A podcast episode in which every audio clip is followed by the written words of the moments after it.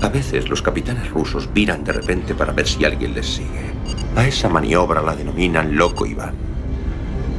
Lo único que puedes hacer es parar en seco tu nave y esperar los acontecimientos.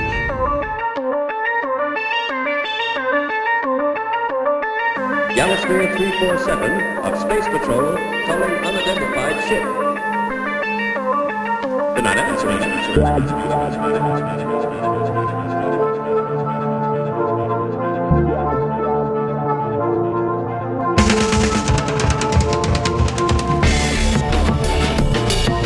Moi boa noite a todos e a todas. Prepárense para pasar unha hora repleta de intrépidas aventuras A bordo do submarino nucelar máis intrépido de toda a Unión Soviética. E tempo de máscaras, de poñelas ou de sacalas según conveña. Quen non querería ser un cambiaformas? Variar o noso exterior un día para ser completos descoñecidos. Mudar a chaqueta pero nunca a nosa alma profundamente soviética.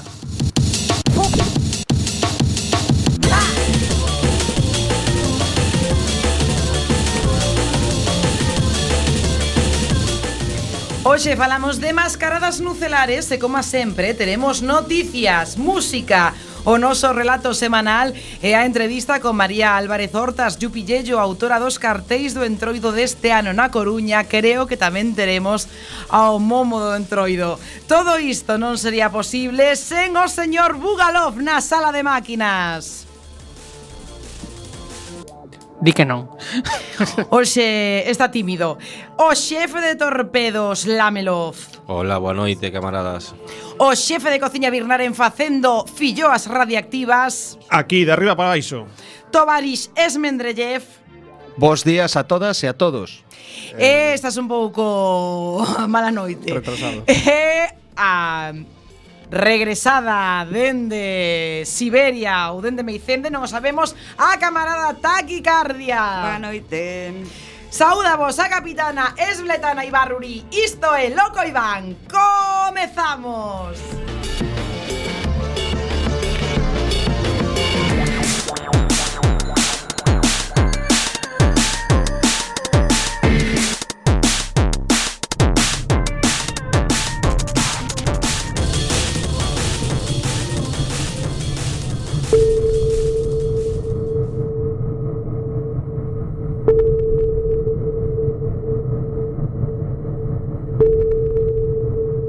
Temos a parte da nosa tripulación indixestada debido a un horrible plato de forellas eh, elaborado, como non, co por o xefe de cociña eh, Birnaren, así que dende aquí moitas apertas e unha pronta recuperación a Nadia Conachova, a Stajanov e a camarada de Osca. Pero como o submarino ten que seguir surcando as escuras augas do río Monelos, vamos comezar xa a facer un repaso polas noticias máis destacadas da semana xa os saben esas noticias que non teñen cabida nos medios occidentais, que non teñen cabida nos aturuxos, que non teñen cabida nas páxinas de La Voz de Galicia, del Ideal Gallego e todos esos medios de referencia a nivel mundial.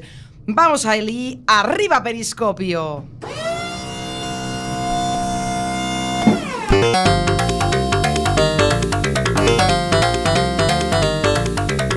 Cuac FM. Loco Iván. Periscopio. Kingdom Come Deliverance terá un mod de xogo de truños. É un dos videoxogos máis esperados dos últimos tempos e aínda faltan uns días para que saia ao mercado, pero se hai un grupo de xente tola traballando nun mod para incluir nel a historia de Xogo de Tronos. Trátase do mesmo equipo que estaba traballando no mod de Atila Sete Reinos para o videoxogo de estrategia Atila Total War. Din que o Deliverance eh, dalle máis posibilidades e que a estética é moi semellante á da serie de televisión. Así que deixan outro de lado de momento para dedicarse exclusivamente a este.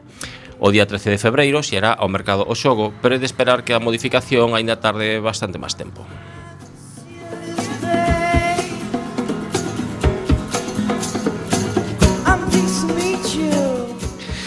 Xerox, a compañía que popularizou as fotocopiadoras, sucumbe á era digital. Tras ser unha das estrelas do mundo tecnolóxico, inventando a primeira fotocopiadora, a primeira computadora persoal, o primeiro programa de debuxo, a primeira pantalla táctil, o primeiro gato, o primeiro sistema de ventás que logo copiarían Apple e Microsoft, pois deixará de funcionar como empresa independente e fusionarase como socio minoritario con Fujifilm. Pese a todos os seus inventos, pois non puido tirar para diante con proveito moitas veces por non ser valoradas esas novidades extrañas polos seus gancios executivos.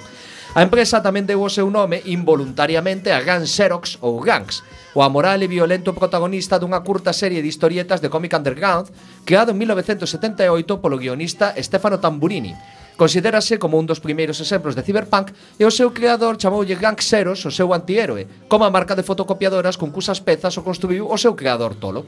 Mais baixo a ameaza de demanda destes gancios, pois tivo que cambiarlle o nome. Outra cagada desta empresa. Así que agora que nos enteramos da absorción en Loco Iván, só podemos decir, a joder se tocan por carcas e por capitalistas. Rumore, rumore. Pois resulta que un usuario dos foros de Obsidian, o estudio de videoxogos de rol, descubriu unha nova marca comercial chamada The Other Worlds, propiedade do propio estudio. Dita marca, ademais, contempla varios medios, videoxogos, servicios de xogos online, literatura de xogos e xogos de tabuleiro e de cartas, o cal indica que pode haber un gran proxecto detrás. Dito de outro xeito, podría ser o novo videoxogo no que traballan Tim Kane, e Leonard Boyarsky, os creadores de Fallout and Vampire Bloodlines, o cal sería unha maravillosa noticia. Ademais, a marca comercial pertence exclusivamente a Obsidian e non a Dark Rock. Exclusiva. Exclusiva. Que é a que posee os dereitos de Pillars of Eternity. Saberemos se se confirma este rumor eh, Conan o Bárbaro terá unha serie de televisión. Hai un par de semanas... Hai un par de semanas soubemos que Marvel recuperaba os dereitos da saga Conan e agora a noxenta empresa explotadora Amazon prepara unha serie para a televisión que non ten mala pinta, polo menos se temos en conta as persoas que se van encargar do proxecto. Trátase dun novo comezo, tomando como modelo as novelas original, orixinais de Robert E. Howard. E detrás estarán Ryan Condal, productor de Colony, que será o guionista da serie, ademais, é megafan das novelas. Tamén estará Miguel Sapochnik, un dos directores de Xogo de Truños, e Warren Littlefield, Responsable de Fargo e o conto da criada. Agora, a ver quen a protagoniza, quen vos gustaría. Bon Jovi. Eh, Perales. Eh, Arale. Ace of Empires Definitive Edition. Entra en beta pechada. Eh, a Fran... Non entran moscas en beta pechada. Non entran, pero en beta pechada entra isto. Eh, A franquicia do Age of Empires que triunfou nos 90 e resurdiu fai poucos anos coa HD Edition chegou a súa nova versión definitiva, parece. Unha versión adaptada aos novos tempos, cunha banda sonora eh, eh, nova e detallados gráficos en 4D, pero manténdose fiel ás súas orixes de estrategia en tempo real a golpe de clic. O xogo estrearase o 20 de febreiro. Contará inicialmente con 16 civilizacións e 10 campañas. Xa podes reservalo polo módico precio de 19,99 denarios. E terás o privilexio de xogar a súa beta pechada xa disponible. De momento, non estará disponible en plataformas como Steam nin en submarinos nucelares rusos. Así que por aquí continuaremos xogando ao afunde a flota.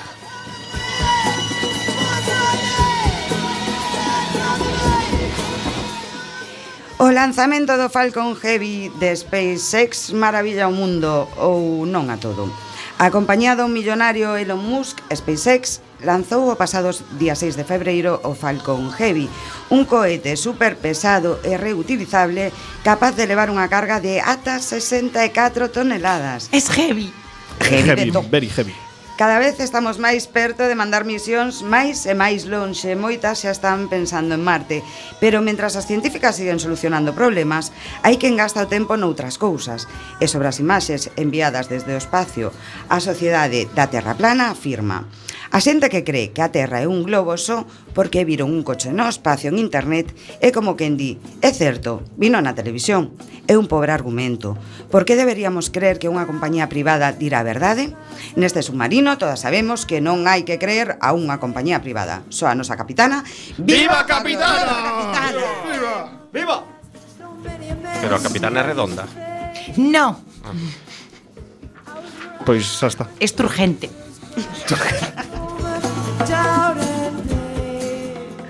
Que pasaría se os monstros falasen? Pois que tal vez nos decataríamos de que os malos somos nós, a especie humana. E o plantexamento do videoxogo Attack of the Erlings, de estilo semellante ao XCOM, pero onde os malos da historia non son os alienígenas, senón a humanidade. Nesta ocasión te estás no bando dos insectores que viven pacificamente no seu planeta e teñen que resistir a unha invasión dende o planeta Terra financiada por unha megacorporación. La voz de Galicia. Polo menos.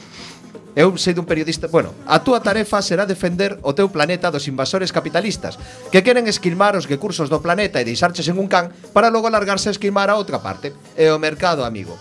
Unha perspectiva anticapitalista do asunto que podes atopar en Steam por 20 denarios ou na local da Coz de Malicia.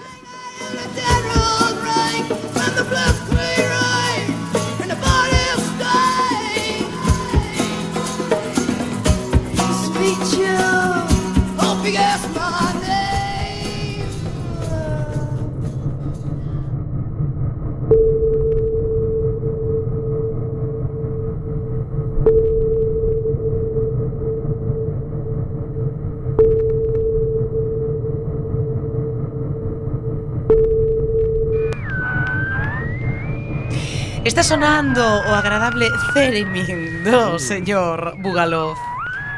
Hola, ¿qué tal? Boa noite. E, e ese ruido eh, angelical, celestial, significa que entramos na sala de radio e que toca eh, escoitar música. Unha canción elixida tamén o azar como todo o que ocorre neste submarino. Sí, e como azarosamente imos falar de, de xente que se disfraza e eh, que se transforma, pois nada mellor que traer eh, a home das mil caras que lle chamaban. Ah, vexo caras de desconcerto. Uh, pois supoñamos mm, Ves facer, mil caras de desconcerto. Imos facer un concurso. Chamaban yo me das mil caras, non vos ven nada por aí. Eh, tipo un grupo de rock progresivo, empezou por aí, un grupo de rock progresivo. Nada, segui, David Bowie. Seguides mirando así raro. Terceira terceira cousa, se disfrazaba no escenario, por eso le chamaban home das mil caras. Foi un dos primeiros en facer stage di stage diving que lle chaman, eso de tirar tirarse uh, ao público. Os así, uh, se tiraba en plan... Uh, ademais se tiraba de costas este, porque así como original. Elis. E como para hostiarse, eh, pero pero ben, non, hai máis cousas todavía. Loquillo. Non só so, non só so fixo rock progresivo e despois eh, experimentou con música electrónica, foi unha das primeiras persoas que introduciu as caixas de ritmo. Gemelers. Cancións, ah? nada, nada, os vexo super despistados. Luis Cobos, Luis Cobos. Os vexo super despistados. Eh, a, a, mar, a, a marse diso, a marse diso fixo bandas sonoras. Tamén fixo música para videoxogos, como por exemplo o Mist 4, que fixo a banda Mozart. sonora. Mar Knopfler.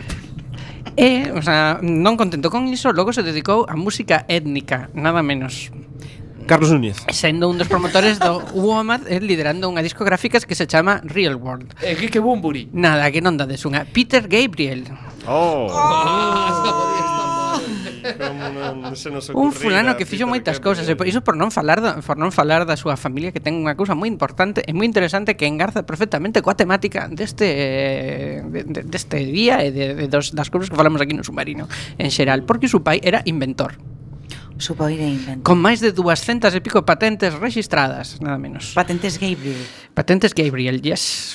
Un fulano interesante. Ademais era, bueno, un baronet, un, tipo destes da pequena nobreza británica. Pois nada, agora, ai, Dios, quedei aliviado de tanto falar. Uh, imos escoitalo a él, non? Super selvático.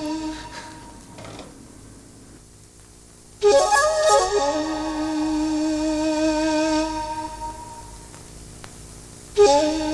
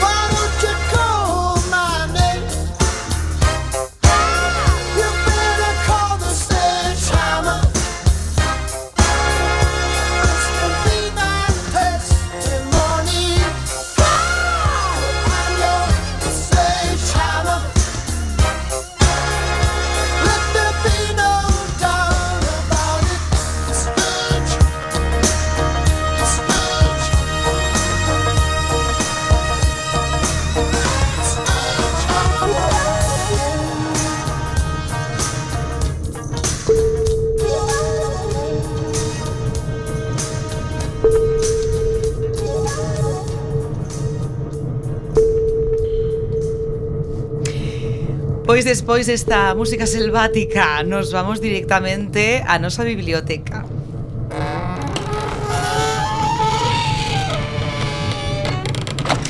Infame sonido Por que me miras a min? Bueno, pois te miro a ti porque alguén ten que tomar, o sea, se ti eres segundo de a bordo, que non o eres, pero se o foras deberías facer algo. eh, vale, pois eh, vou a mm, facer como si fora. Entón, eu vou a mm, casi poñer algo aí.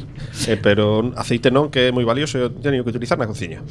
Bueno, hoxe temos un fragmento, por suposto De unha novela, tamén, por suposto Collida así o azar completamente Que seguramente terá que ver co o tema do que falamos eh, Que é Cambia Formas.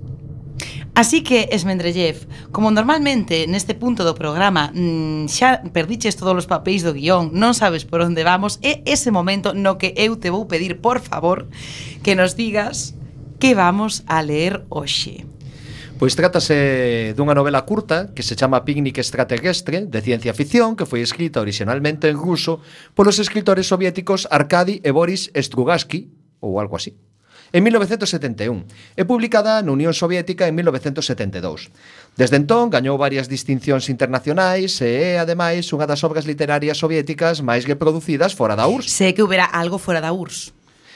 Bueno, fora da URSS tamén hai cousas, hai, hai fame, miseria, capitalistas de merda. Efectivamente. Eh, este libro, que nos exportamos calidade e cultura.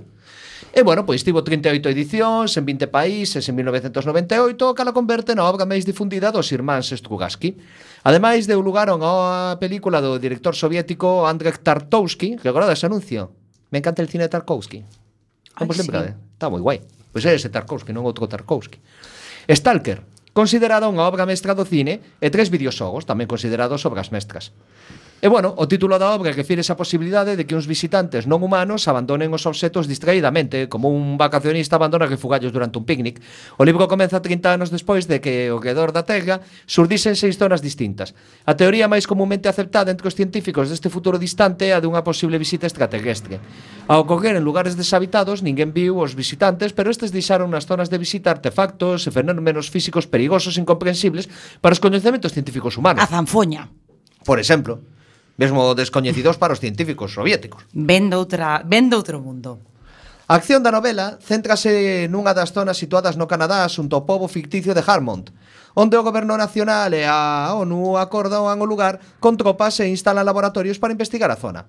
Con todo, os obxetos extraños na zona desatan demasiada curiosidade como para ser ignorados e pronto sorden Harmont unha clase de homes especializados en entrar ilegalmente á zona, desafiar os seus moitos perigos e extraer obxetos alienígenas para a súa venda no mercado negro.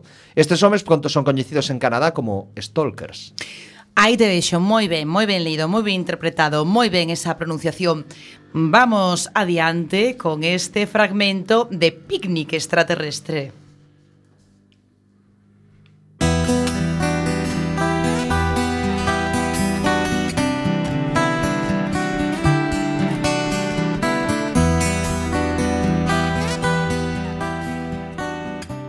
Tengo entendido, doctor Pillman, que su primer descubrimiento de importancia fue lo que ha dado en llamarse el foco irradiador de Pillman. No lo creo. El foco irradiador de Pillman no fue el primero, ni fue importante, ni siquiera fue un descubrimiento. Por otra parte, tampoco fue del todo mío. Debe estar bromeando, doctor. El foco irradiador de Pillman es un concepto corriente hasta para los escolares. Eso no me sorprende. Según algunas fuentes, el foco irradiador de Pillman fue descubierto por un escolar. Por desgracia no recuerdo cómo se llamaba. Búsquelo en la historia de la visitación de Stetson. Allí está descrito con lujo de detalles. Él sostiene que el foco irradiador fue descubierto por un escolar, que fue un estudiante universitario quien publicó las coordenadas, pero que por alguna razón desconocida se le dio mi nombre. Sí, con cualquier descubrimiento pasan cosas sorprendentes. ¿Le, ¿Le, molestaría explicar a nuestros oyentes de qué se trata, doctor? El foco irradiador de Pillman es la cosa más simple del mundo. Supongamos que hacemos girar un globo enorme y disparamos balas contra él. Los agujeros de esas balas quedarán marcados en la superficie en una suave curva. La base de lo que para usted es mi primer descubrimiento de importancia consiste en el simple hecho de que las seis zonas de visitación están dispuestas sobre la superficie del planeta como si alguien hubiese disparado seis tiros hacia la Tierra con una pistola ubicada en algún punto de la línea Tierra de Ned. De Neves la estrella Alfa, en la constelación de Cygnus, el punto espacial del que provienen los disparos, por así decirlo. Se llama foco irradiador de Pillman. Gracias, doctor. Com- compañeros armonitas, al fin hemos recibido una clara explicación de lo que es el foco irradiador de Pillman. A propósito, anteayer se cumplieron 30 años de la visitación. Doctor Pillman, ¿quiere decir a sus conciudadanos algunas palabras sobre el particular? ¿Hay algo que le interese en especial? Recuerde que yo no estaba en Harmon por entonces. Por eso mismo será aún más, más interesante saber qué sintió usted al enterarse de que su ciudad natal era el centro de una invasión de seres ultracivilizados provenientes del espacio. Pues para ser sincero, al principio pensé que eran mentiras. Me costaba creer que pudiera pasar algo así en Nueva Pequeña Harmon. Habría sido más plausible en Gobi o en Terranova. Pero al fin tuvo que creerlo. Ah, sí, al fin.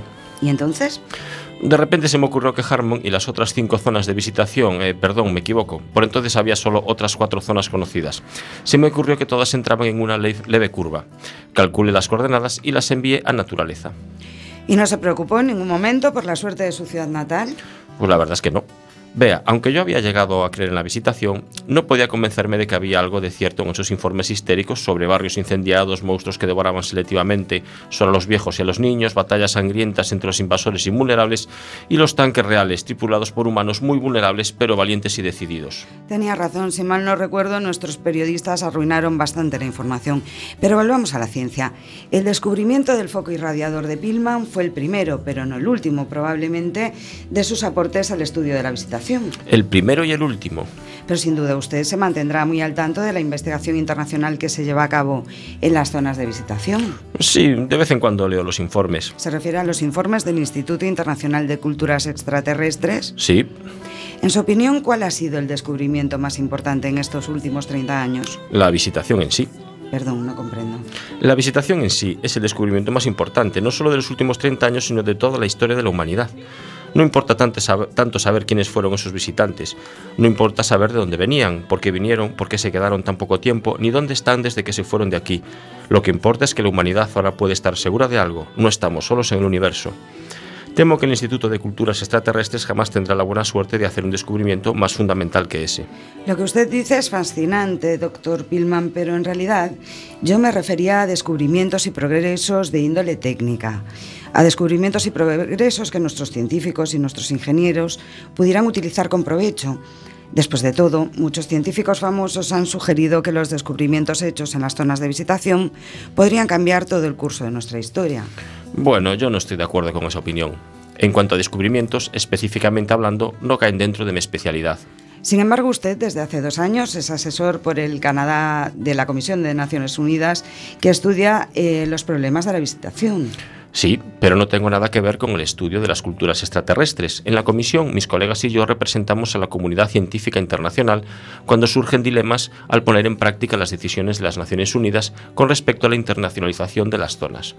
Dicho en otros términos, nuestra función es ver que todas las maravillas extraterrestres halladas en las zonas vayan a manos del Instituto Internacional. ¿Hay alguien más que se interese por esos tesoros? Sí, Supongo que se refiere a los merodeadores. no sé qué es eso. Así llamamos en Harmont a los ladrones que arriesgan la vida entrando a la zona para llevarse todo lo que encuentran al alcance. Se ha convertido realmente en una verdadera profesión.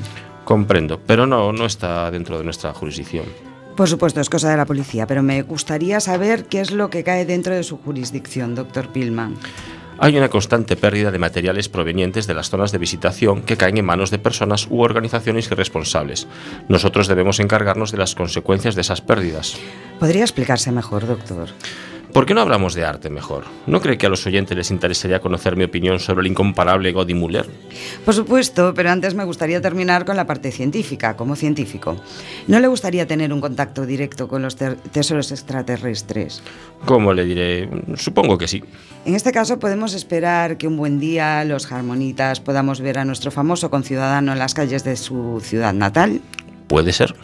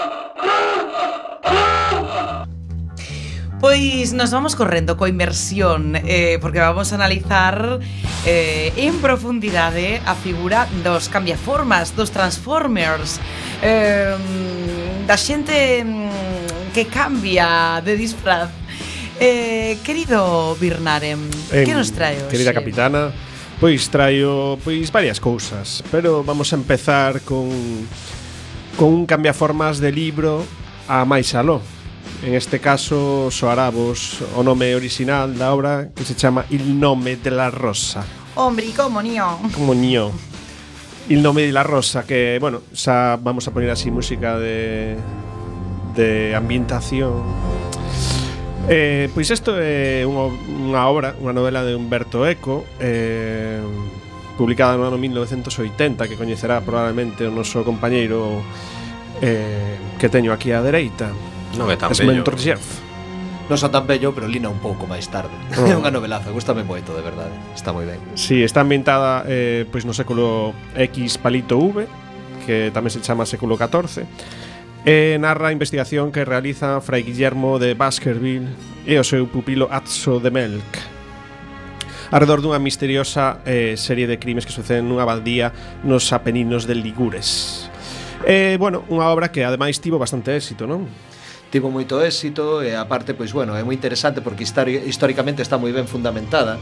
Mesmo Guillermo de Baskerville, que realmente é un trasunto de Guillermo de Ockham, que foi o monse que descubriu, entre outras cosas, pois a navalla de Ockham, que é un principio científico básico. Como corta, como cortas a navalla. bueno, básico, básico é un pouco chapucero, non?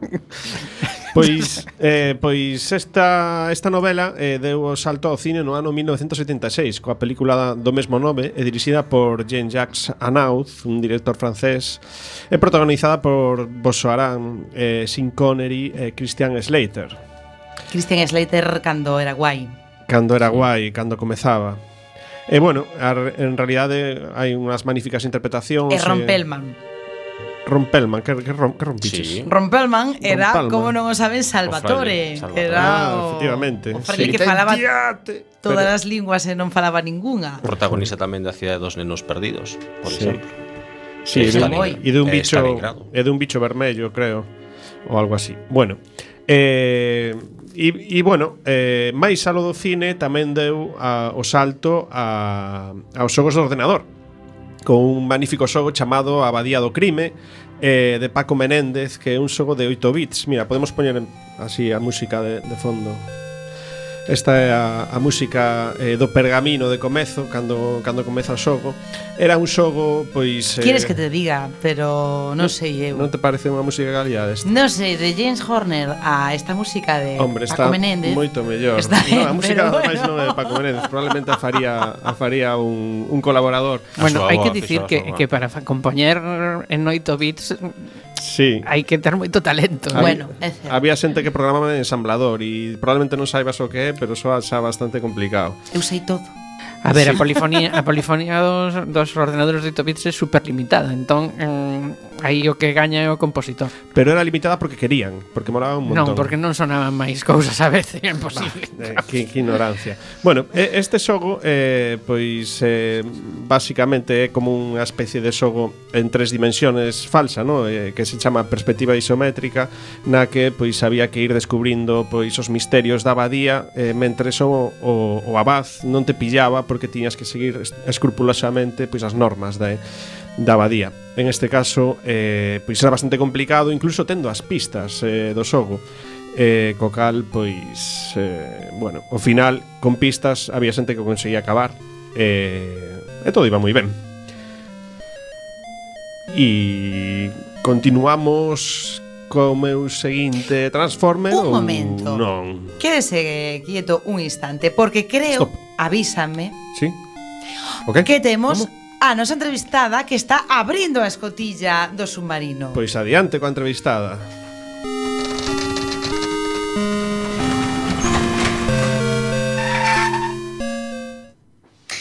María Álvarez Hortas, está vostede aí? Sí, sí, estou aquí.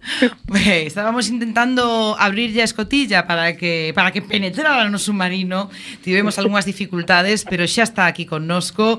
Eh, moi boa noite, Yupillello, María Álvarez Hortas, ilustradora coruñesa, mostra e mestra de, de humor de no cómic e muller que vende realizar os cartéis de entroido deste ano na cidade que xa sabe que sempre veñen acompañados de certa polémica aquí, non, non sabemos por qué.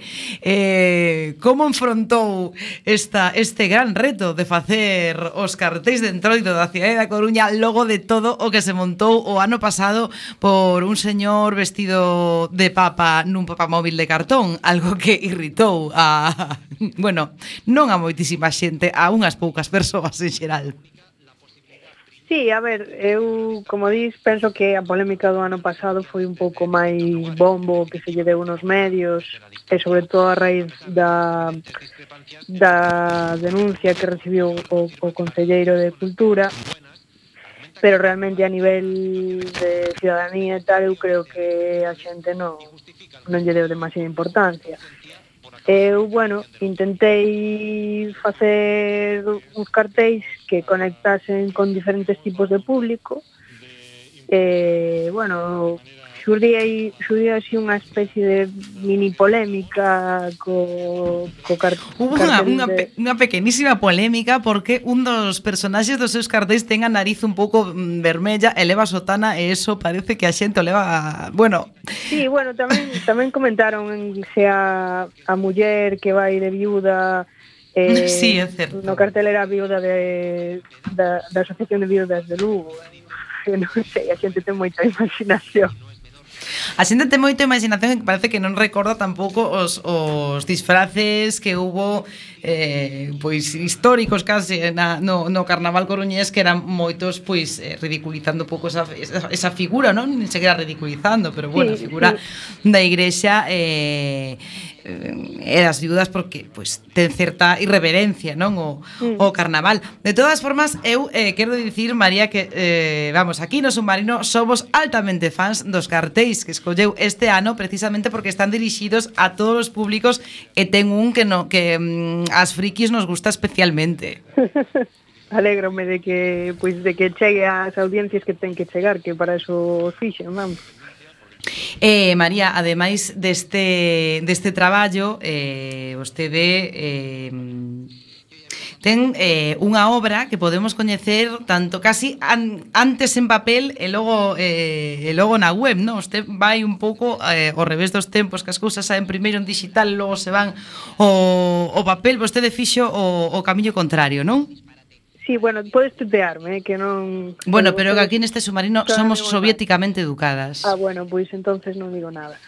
Eh, pois eh, sí, teño estou facendo unha publicación, unha autopublicación que se chama Hai alguén aí e que, bueno, xurdiu así en, da necesidade de, pois, de rirme un pouco da, da problemática que tiven sendo lesbiana a hora de ligar e coñecer mulleres e todo isto.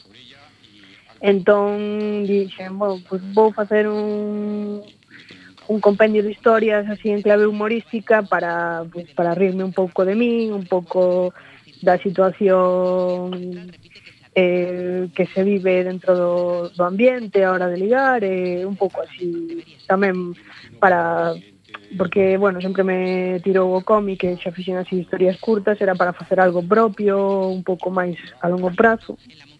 E si, o primeiro que fixen foi sacalo en papel eh, nun fanzine que autoeditei para o Autobán de fai dous anos. Os compañeros do Autobán que tamén os tivemos aquí. Sí. E despois, cando moví un pouco o fanzine, pois dixen, bueno, por que non vou eh, mover as historias en internet porque realmente a finalidade dos fanzines non é gañar cartos porque é imposible, non, non dan economicamente, senón é pois eh, ter un proxecto propio, practicar, mellorar eh, e alegrarnos a vida a xente que está metida aquí no submarino porque senón claro. fora por ilustradoras como vostede ah, a que facíamos.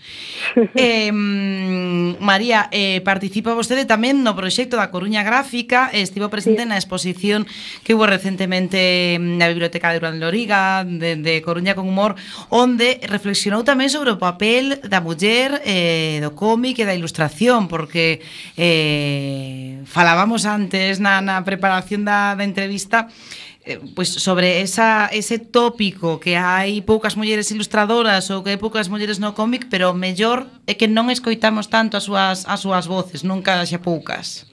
Sí, no, no, a realidade se vas ás escolas ou eu estou dentro da AGPI, da Asociación Galega de Profesionais da Ilustración, a realidade é que as mulleres son a metade ou máis da metade eh, tanto estudiantes como profesionais, vamos. Eh, se non se ven, quizáis no mundo do cómic eh, estense agora, estean a meterse agora máis mulleres, es, digamos que a ilustración editorial tira máis polo son eh, por onde tiran máis as mulleres. Mm. Pero eu creo que están empezando a entrar moitas mulleres no, no mundo do cómic eh, vai ser un cuestión de tempo que que isto se equilibre, porque realmente hai moitísimas creadoras. Eh, eu penso que tamén é unha cuestión de eso da, que se comentaba antes, que pois, a construcción de xénero, eh, de, do rol da muller, pois, eh, pois non ter tanta, digamos, tanto protagonismo, ou ter tanta iniciativa ou ser o foco de atención, non? entón digamos que botanos para atrás xa dende a educación, dende pequenas, entón os homes son os que sempre están no foco, aí tendo protagonismo. Entonces, hai que ir derribando estas historias pouco a pouco, pero é unha realidade coa que hai que loitar. Eh, María Álvarez Yupillello, eh, déanos unha recomendación aparte de, de visitar de ver a súa obra que podemos ver eso tanto en, en papel como a través da web sempre lle pedimos a xente que veña que, que ven aquí o submarino que nos diga algunha recomendación pois do que sexa dende cine ata cómic ata ilustración que é o que podemos eh, ver estes días Eh... Bueno, estes días ou cando, ou cando queira. Vale, vale, pois, a ver, eu agora, por exemplo, estou lendo unha serie de, de cómics, son varios tomos, que se chama Leñadoras, que que son é un grupo de rapazas que son Girl Scouts, eh, é máis é un cómic que a mí me chama sobre todo a nivel gráfico, pero digamos que o, o público obxectivo serían adolescentes, eh, entre de 12, 16 anos. Está, está moi guai, entón eu para se hai que regalarlle a alguén desa idade ou incluso se hai xente desa idade escoitando o programa, pois eu recomendaríalle ese, ese cómic porque está moi ben. Pois, moitísimas gracias María Álvarez, Hortas, Yupillello, moitísimas gracias. E moitísimas gracias sobre todo non soi por estar aquí, senón polos cartéis que nos deixa a todos e a todas as coruñesas de, do entroido deste ano que realmente, eh, bueno, son para marcar. Moitas gracias a vos por, por deixarme participar. Pois cando queira xa sabe que tenga a escotilla aberta. Moitas gracias. Veña, hasta logo, boas noites. Bueno, e damos un salto non copernicano, pero case. Mm, seguimos falando do entroido. Tiñamos a, a María Álvarez Hortas, a Yupillello, e agora eh, vamos falar con un dos grandes protagonistas do entroido do ano pasado na Coruña e que de alguna forma pode ser, pode seguir sendo protagonista este ano. E mm, nos referimos ao Concelleiro de Culturas, Deporte e Coñecemento do Concello da Coruña, un bello coñecido deste submarino, José Manuel Sande. Moi boas noites. Que tal? Moi boas noites. Volve aquí o submarino. E quero eh, volver sempre. Quere volver sempre. Sempre ten a escotilla medio aberta. Non a podemos abrir de todo porque afogaríamos. Pero, pero aquí estamos para vostede. Pero, sobre todo, hoxe tiñamos lo que chamar Non só como gran cinéfilo que é vostede para que nos faga unha recomendación para tempos de entroido, senón porque vostede este ano é o protagonista do Momo da Coruña. Como se sente o saber que vai ser queimado? Eh, quero, quero verme, quero verme. Non fun a, a eso que chama entronización, pero si sí me gustaría ir o mércores a, a súa queima. A ver como me consumo. Bueno, eh, de todas formas, este ano vai ser consumido, pero cando estivo mm, tamén cerca da combustión foi o pasado con todo o lío que se que se creou polo polo tema dese dese cartaz publicitario das das festas do Entroido que era do noso amigo Alberto Guitián e que algunhas persoas les pareceu ofensivo. Estes días vemos que está ocorrendo o mesmo, non é a mesma polémica, pero si sí ten que ver coa igrexa Que o que pasa, José Manuel Sande? Que o que estamos a facer mal para que estemos perdendo o humor? Bueno, en realidade, moitos o fan ben.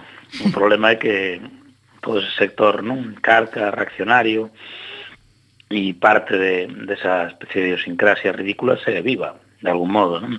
Eso hai que felicitar incluso a, a capacidade, a habilidade, non? Que tivo Yupillello neste caso para sortear obstáculos, non? Porque está todo, pero seguramente inatacable, non? No cartaz deste ano. O ano pasado, de algún modo, tamén o era, non? Pero parece que calquera equívoco xa se convirte nun ataque á, á liberdade de expresión, de pensamento, de creación. Creo que, bueno, esa é unha das claves. Curiosamente, veía a xustificación que presentaban co tema do, do, do dios Momo, no? a, bueno, a xente que, que se encargou de facelo e justamente falaban diso, non? Como eh, axudado polo alcalde a Sardiña o acusado do 2017, non? Se ve redimido no entroido e demais, non? É curioso, ademais, non que iso pase no, no entroido, non? A festa por antonomasia da irreverencia, do humor, do sentido lúdico, e creo que contra eso pois non podemos máis que plantarnos e decir imos seguir aquí, e os que ides desaparecer sodes vos, non? De algún modo. Esa especie de, de mundo represivo, non? Que moitas veces consideramos eh, que desaparecido, pero non. Pero non, sempre se resucita ou se sigue facilitando, non? Por outros ámbitos. José Manuel Sande, hoxe o traemos aquí como concelleiro, como momo e como experto en cine. E como experto en cine, eh, antes de despedilo, queríamos que nos deixe unha recomendación que podemos visionar estos días que nos fale da irreverencia? Que lle, lle parece así fácil de contestar. Da irreverencia ou do entroido? Da reverencia, do entroido, porque o entroido é irreverencia. Pero bueno, abro o abano a, a, a súas suxestións. Bueno, do entroido, irreverente, Casanova de Fellini. E con coa palabra carnaval no título, el gran carnaval, unha película de Billy Wilder sobre o oficio que teñen algúns de ustedes, non? O xornalismo. Ah, pensé que iba a decir... Sí, que ten que ver... Militares eh, de submarino. Xornalismo soviético, torpedos. xornalismo soviético, que, que se podía englobar algunha palabra extraña. E e sobre a irreverencia toda a obra dos Monty Python, por exemplo, non? Pero bueno, non, non descubro nada. Non, nos está facendo... Eu pensei que nos iba a traer algunha cousa máis máis enrevesada, eh? Bueno, deixámoslo para outra vez. Bueno, pois sabe que vámoslo fichar como colaborador estrella para facernos eh, este, estes apuntes, estas recomendacións cinematográficas, así que esperamos que se aplique na próxima inversión. Eh, xa sabe a frase de Hitchcock, as películas son como un terremoto, teñen que ir a máis. Por eso hoxe empecé por Uxiño. Pois moitísimas gracias, José Manuel Sande. Eh, un home ilustrado, ao fin e ao cabo. Moi boa noite. Moi boa noite. Boa noite.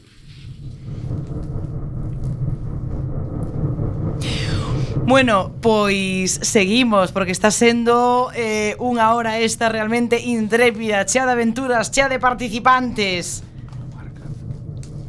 Seguimos co inmersión. Eh, sí seguimos, algo moi moi breve. Eh, vamos a pasar do en este caso do cómic eh, a, ao cine e falamos de Persepolis que é unha obra ah. de Marjan Satrapi eh, Satrapi, de Marjan Satrapi o, o, o cómic Sí, eh, filla dunha familia iraní acomodada, culta e occidentalizada, eh, como pois van a, sucedendo os sucesos eh, de Irán vividos por unha nena de 10 anos e conforme vai crecendo. Esta esta obra que gañou varios premios eh, de cómic eh, pasou exitosamente ao cine. Eh, vamos a poñer un pequeno corte para que os fagades unha idea de como é isto. Tienes que darme 50 tumanes. Ah, sí. ¿Pero para qué? Golnas me ha dicho que venden cintas en la avenida Gandhi. ¿Y tus cintas de los Bee Pero mamá, los Bee son un rollo. Ben, pois este era un pequeno un pequeno extracto. A verdade é que está está moi ben moi ben trasladada, eh, digamos que mantén o, o espírito do, do cómic original, eh, pero como que engade ese ambiente musical e, e bueno, que está tamén gañou varios premios e nominacións. Non me quero estender máis para así damos paso a, a seguintes Efectivamente, camaradas. porque estamos repartindo xogo, como diría Clarence Sidorf, o novo entrenador do Deportivo. Eh, señor Ravelov, que mm, Bueno, pois eu sabedes que sempre traigo cosas raras, non? E no mundo da cultura, sobre todo da que falamos aquí, está cheo de obras que pasan por varios medios, pero que eh, foran boas en todos eles, pois non é tan non é non é tan frecuente. Fixemos un programa inteiro a Terra Media, por exemplo, e Tolkien é precisamente un bo exemplo da dese dese de ter libros e ter películas que están ben, non? Eh, tamén es. Stalker, falamos de Stalker, antes limos un relato de Stalker, incluso o xogo de truños pois ten esa esa característica, pero xa sabedes que eu falo de cousas rarunas de non importan a ninguén thing.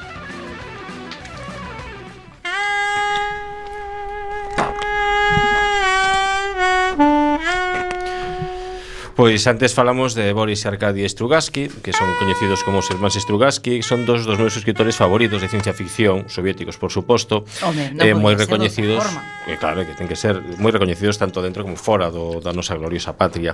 Eh, varias das súas obras tiveron moita difusión e foron levadas ao cine e aos videoxogos. Dunha delas a falamos, Pinning extraterrestre, pero esta, que difícil é ser Deus, quizáis... Ai, que difícil, que difícil como ser capitán. Sí non tan difícil, pero casi. Eh, non, non é tan coñecida como as outras, pero tamén está moi ben. Trata dun grupo de científicos terrestres que viaxan por varios planetas para integrarse nas súas sociedades e tentar melloralas dun xeito un pouco intrusivo.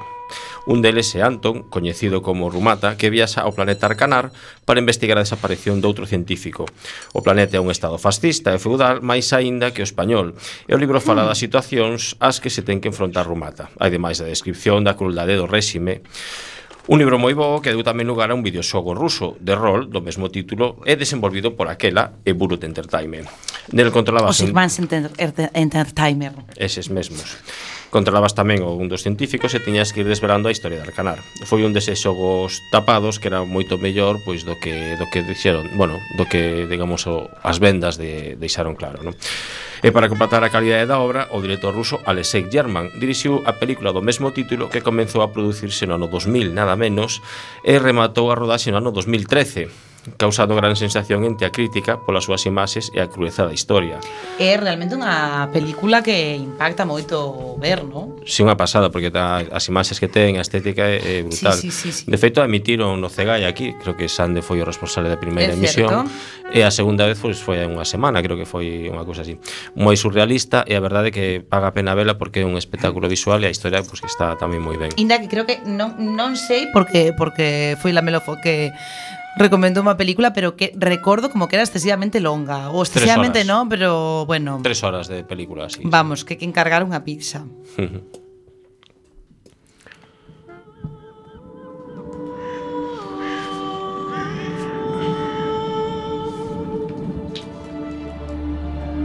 Eu levito con esta música. Po- Se llamaba Gerald de Rivia. Era brujo, un cazador de monstruos profesional. Un contrato peculiar. Eliminar la maldición que sufría la hija de un rey. Bastaba con pasar la noche con ella, del crepúsculo al Vaya, amanecer. vaya. Hmm. Por desgracia, ella era una bestia mortífera, una Vaya, bueno. esfinge. El traidor responsable de la maldición se convirtió en el cebo. Efectivamente, a saga de Gerald de Rivia, do escritor polaco Andrei Sapowski que Da que tanto falamos aquí Falamos moito porque a verdade é que, que está moi ben e, e paga moito a pena ler porque é unha, un tipo de fantasía moi diferente pois, o, o habitual. Son sete libros, máis unha precuela que polo menos ten principio e fin, que o digo sempre, e está escrito pois eso dun xeito máis ben como mesturando cousas modernas da sociedade actual, pero metidas nese mundo de, de fantasía. Por exemplo, os, eh, os elfos están discriminados, o sea, todos que non sexan humanos están discriminados e forman como grupos, digamos, pseudo-terroristas para ter que, bueno, que sobrevivir. Eh, deu lugar a tres videoxogos, o primeiro deles foi tan espectacular que propiciou os éxitos os demais e subiu, bueno, pegou un subidón á compañía CD Projekt Red que lles permitiu pois tamén crear un portal de videoxogos que é GOG. Eh, bueno, recomendabilísimo sobre todo os libros. Bueno, pois pues moitas gracias e o último eh, a última parte desta inmersión nos la trae o camarada Esmendrellev que nos vai recordar un videoxogo, bueno, non, perdón, un videoxogo non, un xogo de rol que que xogamos moitas. Sí, foi unha proposta do camarada Stajanov que agora mesmo non pode estar aquí na, na sala pois porque está limpando como sempre o submarino, o submarino por, por fora, fora. Por que o ten que facer alguén? Entón, eh, xa que falamos de cambiaformas, eh, demos en que en, en cousas boas que aparecen en diferentes formatos, queremos falar de Vampiro, a mascarada, un traballo de Mark Gay Hagen que está moi baseado nas novelas del Estato Vampiro e Compañía de Anne Rice, que me encanta. Anne Rice, son... e, ca, e que, e que, que, que boas cousas me trouxo a mí na adolescencia este xogo. Home, moito mellor que agora. Se Sequera ti imagínate, non? Os vampiros dan gais, pois non andaban, non iban ao instituto. Ti te Home. imaginas eso? O sea, estes a inmortalidade, superpoderes, todo eso que vas ao instituto, bueno, non digo nada, non digo nada desa merda de que sí que o digo. Que busco é unha merda. É unha Pero merda, eh, que, que, que, que bon, que, que estupendo é o perso a personaxe del Estad eh, de Anne Rice, a mí me encanta. Estupendo. A mí me encanta. Pero volvendo ao Bon Jovi, vampiro, sería. nada máis. Lembrar que, que se soga ser un vampiro no mundo real dos 90, do grunge, da globalización Foi o primeiro xogo que máis que basado en andar matando e tirando dados de cor Estaba basado na negativa, o que se chamou rol negativo Neste mundo de clans vampíricos, conspiracións e guerras na sombra mentre a humanidade mira para outro lado Pois tivo moitas adaptacións, non? Nunca foi oficialmente adaptado ao cine, pero as pelis de Underworld Pois veñen sendo unha copia mal disimulada e tal vez un pouco mal entendida un pouco merder, tamén. tamén. Blade e Wesley Snipes ten moito dese estilo do vampiro, máis que no cómico máis do que ten do cómico original da Mira, Marvel. está poñendo así como unha cara de asco tan grande cando escoitou Blade eh, o camarada Bugalov que o vexo e puxo así como de uh, de Arcader. Bueno, tampouco está tan mal. De xogo de Arcader. Tamén tivo unhas series olvidables eh, unha serie, perdón, olvidable de TV, unhas novelas máis olvidables todavía, non? Era, era moi malo todo isto, pero xa que estamos a falar de adaptación boas, pois decir que Vampiro inspirou dos grandes videoxogos no seu tempo. O primeiro, Vampiro Redención, que chegou en 2000 da man de Nihilistic Games, e veña sendo unha versión do Diablo 2 con historias, andabas por aí matando na pel de Cristofo, un cruzado medieval que se convertían en vampiro e chegaba hasta a nosa época que o mellor que tiña eran os mapas multixugador e o peor a doblaxe ao castelán, esa en 2004 chegaría unha obra mestra imperfecta, Vampire Bloodlines, o último traballo de Troika Games, que o deu todo con este xogo, pero que como non o sacou a tempo, pois tan só por iso... Mire, que, bueno. a música de rematar. A música de emoción, a música de que acabou este intrépido viaxe durante unha hora polo río Monelos, pero nos volveremos a ver a semana que ven. Por qué? Porque os queremos moitísimo. Traeremos máis noticias, máis música, máis información, máis entrevistas, máis comunismo. Eso é así. Pásenlo moi ben. Sexan felices, disfruten, disfrácense, beban vodka como moderación, que os queremos moito.